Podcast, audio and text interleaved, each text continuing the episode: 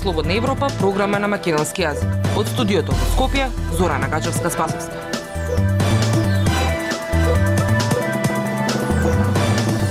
Почитувани, ја следите емисијата на Радио Слободна Европа. Во неа објавуваме. Владата прогласи енергетска криза во време трајање од 30 дена. И во енергетска криза училиштата последни би се затварале. Роднини на сегашни и поранешни функционери вработени во Агенцијата за електронски комуникации. Слушајте не. Независни вести и анализи за иднината на Македонија на Радио Слободна Европа и слободнаевропа.мк.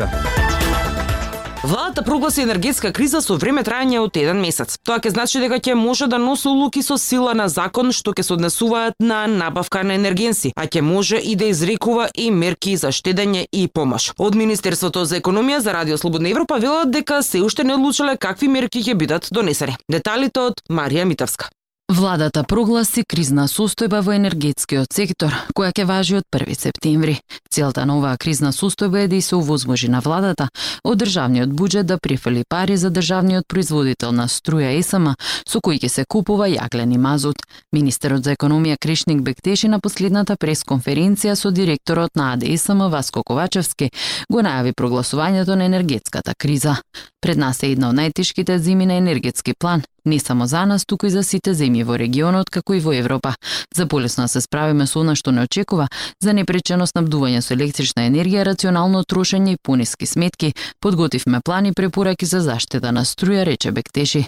Стопанската комора побара од владата да ги реализира своите заклучоци презентирани во јуни годинава и нагласува дека е потребно да се зголеми домашното производство на електрична енергија и да се искористат сите можни ресурси.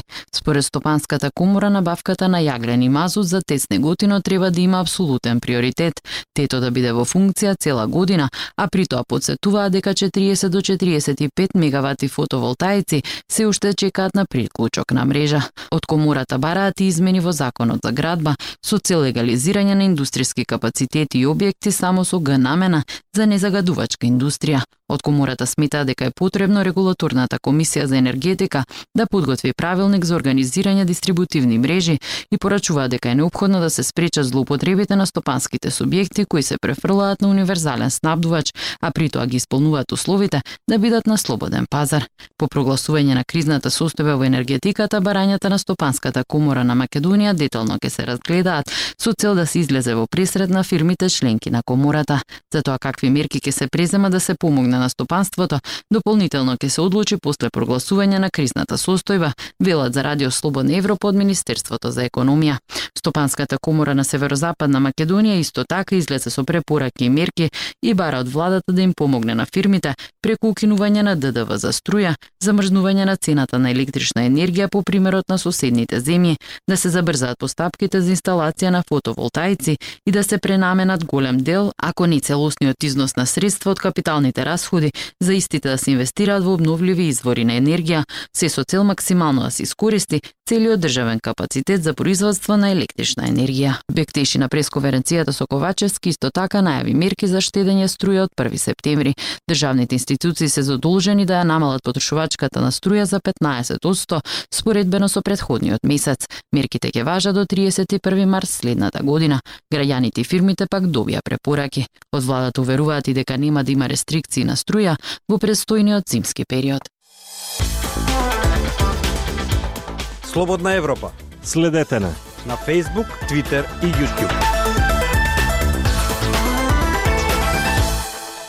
Во пресрет на тешката зима, владата минатата недела донесе сет мерки и препораки за штедење на струја. Сметките за струја ќе пораснат и за училиштата годинава. За тоа како ќе се справуваат градоначалниците и директорите на училиштата ќе слушнете од прилогот на Ивана Стојкова.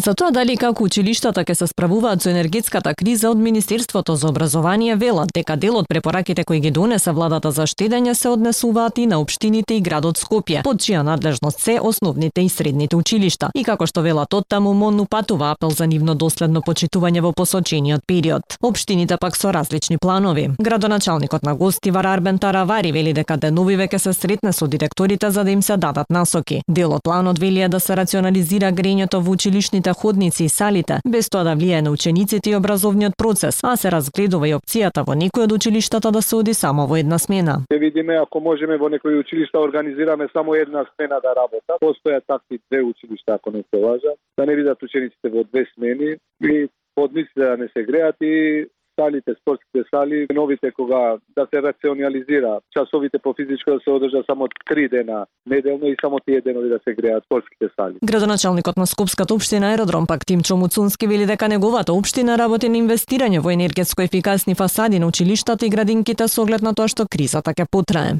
што правиме ние како општина. Сите основни училишта се поврзани на фотоволтаи. Дел од градинките исто така се поврзани на наши инвестиција фотоволтаици. Тие градинки што не се поврзани неколку што стана во текот на следната година и за нив ќе набавиме фотоволтаици. Инвестираме во нови енергетско ефикасни фасади во училиштата и градинките. Тоа значи ние работиме на долгорочни решенија земајќи во предвид дека една ваква криза може да трае и подолг период. Сепак дел од експертите се скептични дека краткорочните мерки ќе дадат резултат. Професорот Константин Димитров порачува дека потребни се долгорочни мерки со кои бенефит ќе имаат и училиштата, но и државата. Топлинска пумпа со сончеви колектори кои што ќе произведуваат електрична енергија за погон на колектори. И се тие така наречени долгорочни мерки со кои што буџетот на општината, на училиштето се заштитува, се заштитува буџетот на државата помалку ќе увезува енергија електричната ќе скап плаќа со ненормално високи цени споредени со собственото производство на електрична енергија и третото, но не помалку важно, може би уште поважно, заштита на животна средина, нема емисија на штетни материи, нема разболување на децата од надишните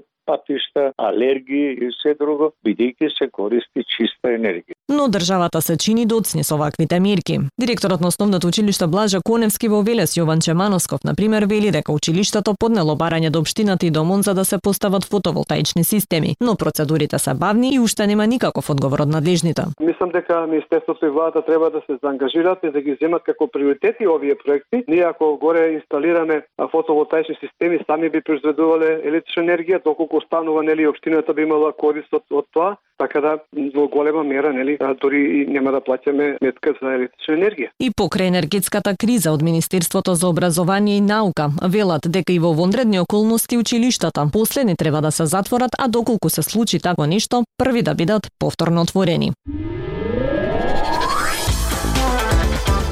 Дайте ни 15 минути и ние ќе ви го дадеме светот. Слободна Европа.мк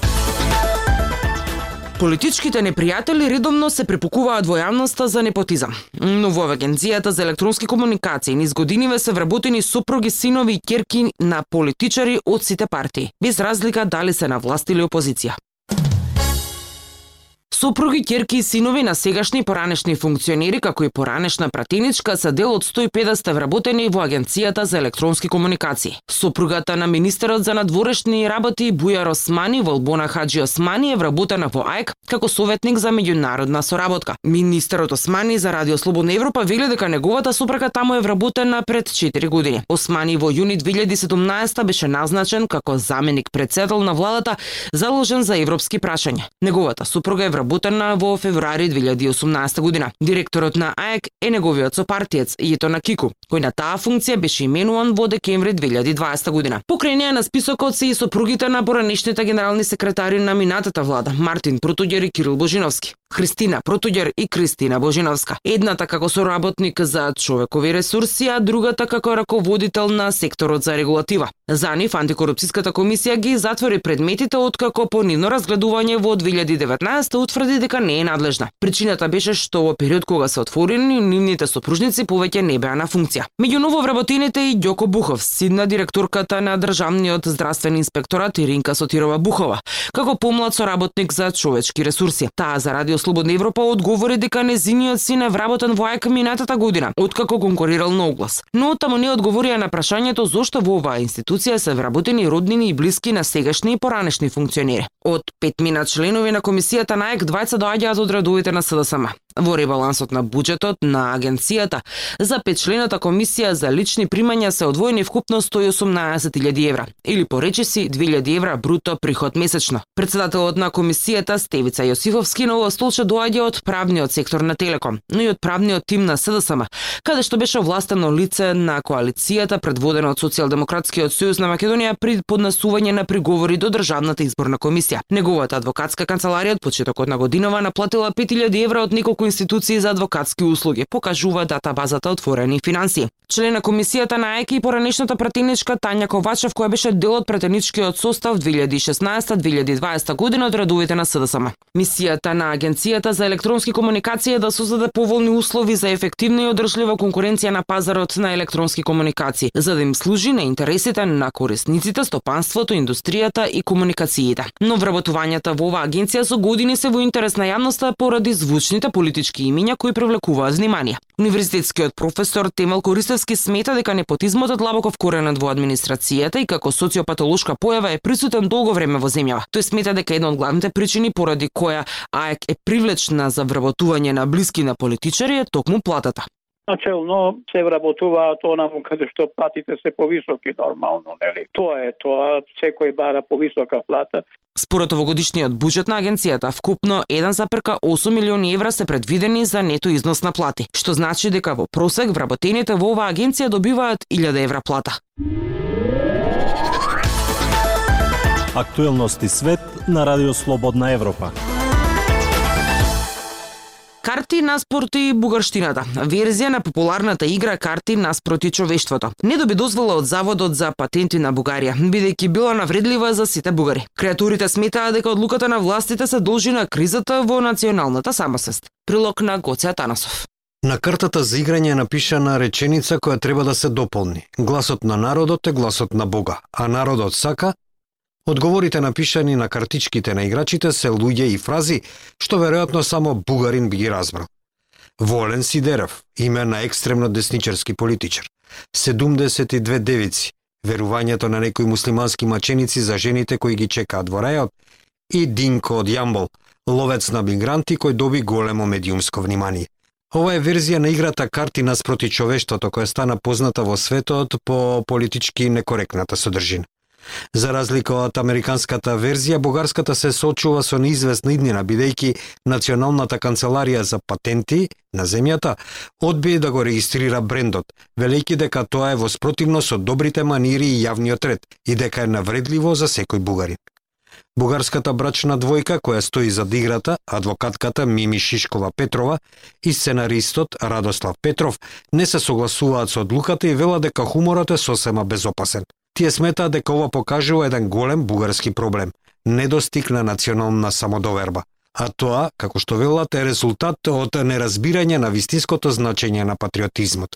Како и другите меѓународни верзии, бугарската игра се состои од 100 карти со кратки нецелосни реченици.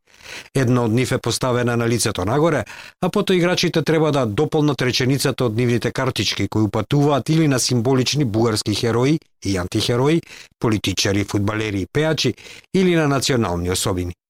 Немавме цел да постигнеме нешто антибугарско. Напротив, сакавме да создадеме кул бугарски производ со целосна бугарска содржина, за луѓето да се смеат и забавуваат и да кажуваат работи што се до некаде типични за бугарите, вели Петров. За жал за креаторите, Бугарскиот завод за патенти не го мисли истото. Во својата пресута, патентниот завод исто така вели дека името на играта ќе биде сватено како навреда на античките и вечните вредности на бугарите. Во Бугарија мора да се внимава да не се наруши националната самоствац бидејќи таа е кревка. Луѓето се навредени поради недостаток на национална самодоверба, вели Петров кој додава. Но правилното постапување во оваа ситуација е да не се обидуваме да ги игнорираме нашите проблеми како општество и да си кажуваме дека сме бугари само кога се гордееме со тоа. Постои разлика помеѓу вистинскиот патриотизам и нашето заедничко недоразбирање за тоа што е патриотизам. Да се биде патриот не значи да се биде слеп за нашите негативни квалитети како бугари, вели Петров. Тоа беше се што ви подготвивме за оваа емисија. Со вас од студиото во Скопје беа Зора Нагажевска Спасовска и Дејан Балаовски. До слушање.